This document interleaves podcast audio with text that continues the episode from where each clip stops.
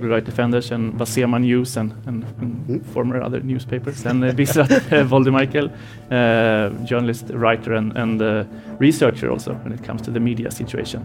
Thank you so much for this uh, discussion. Thank you very much.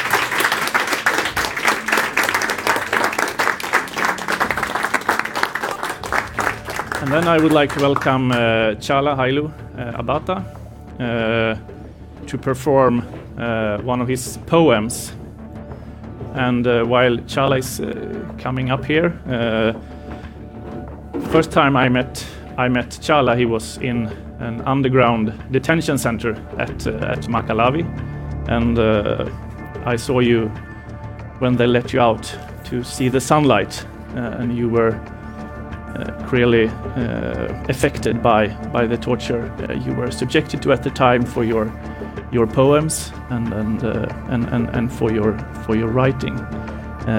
before you read the poem, do you want to to comment the discussion that that we heard? Do you have thoughts? Just short.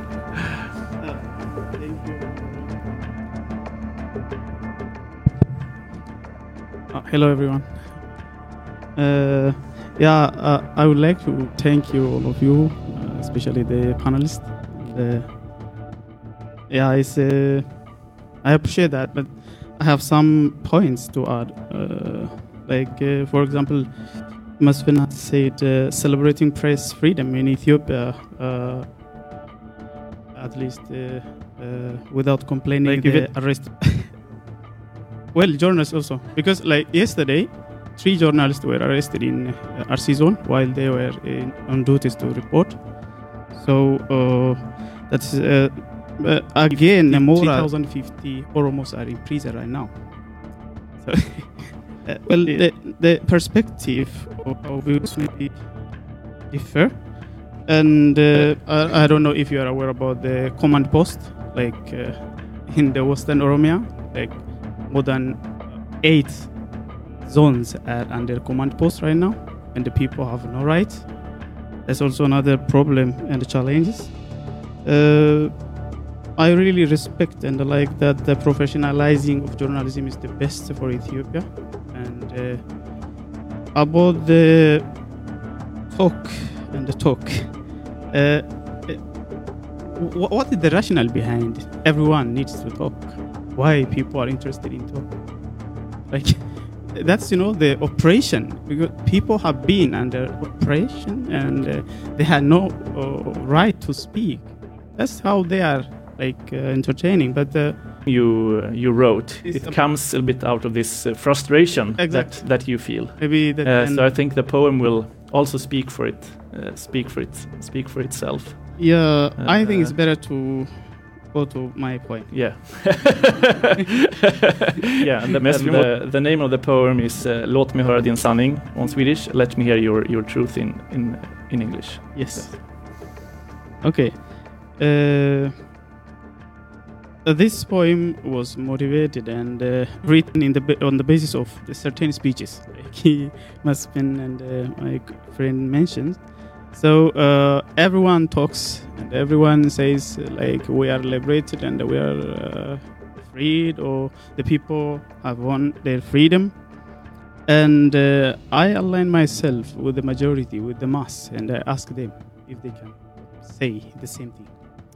So uh, let me hear your truths. I don't want to hear the views and the versions of demagogues, but tell me your truths and your feeling if it is true. If what everyone says to me is true, tell me if you are free. I want to see your face and what you have won your freedom. I love seeing your joy, but it is not mine. Tell me what you think and let me hear it from your mouth in your own words. What makes it a truth instead of some other? I only hear empty voices, but not truths. Their voice can be higher and louder. Their dances and the songs will be more and more exalted in your house, where your voice, where your own voice is still unheard.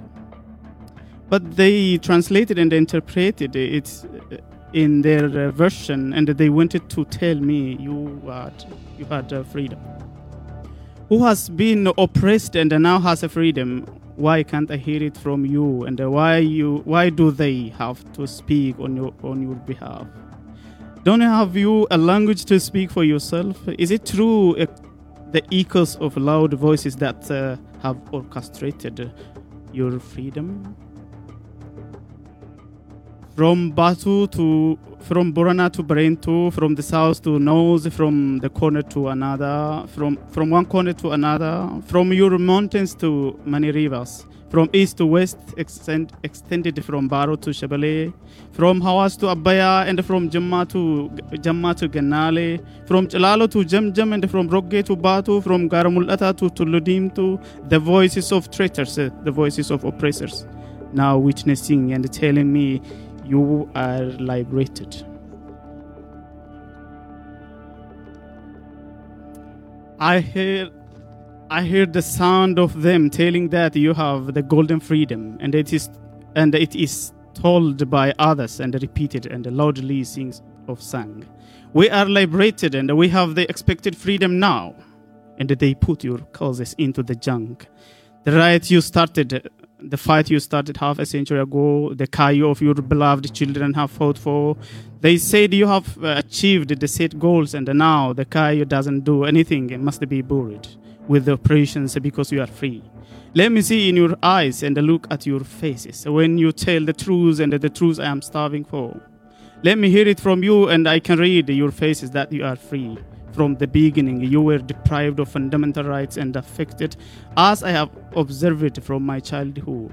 I will never convince it will never convince me when the folks who have sold your cause out tell it to me but you who are the most oppressed the farmers. It's not the traitors uh, who would uh, sing now that you are free but tell me but let me hear it from you. Let me hear the voices of the people not the voice of the people paid to make up stories. Let me hear from the Oromo students who have ignited the light of freedom by sacrificing their precious lives. Let me hear from if they really have freedom. If I don't see and I don't understand your freedom, if the distance made a cloud and um, uh, I misunderstood the real situation you are in now and your freedom, let me see and hear what you have now. Some people explain it in the media and they tell us uh, you are now freed from taxation without representation. You are getting your lost land and resettled to your own land. You are now free from oppression and detention. But I wonder why the same people I have known for decades tell us what uh, that our people are liberated. I knew them; uh, they had been telling us the same stories over I knew them and their story, their history, and of course, they always had their freedom. And I know them, uh, they never care about anything but uh, their own business. They only work, they only work for their own interest, and I know they have never been oppressed. So I can't trust their stories and the verses. Nothing can be new to them about what happens and uh, will happen to you. You are the only one uh, who can say, I am free and I have my freedom.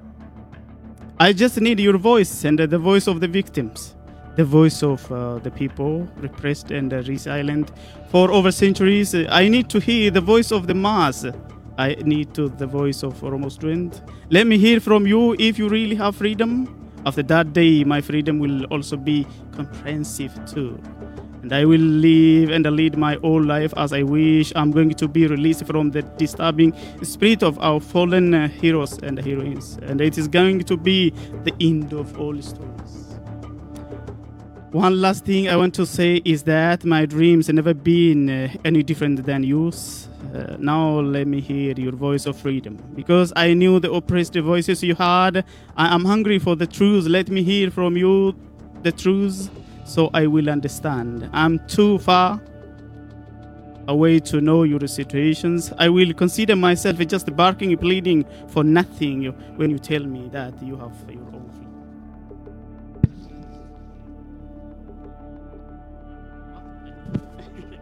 feet. yeah, it's over. Uh, uh,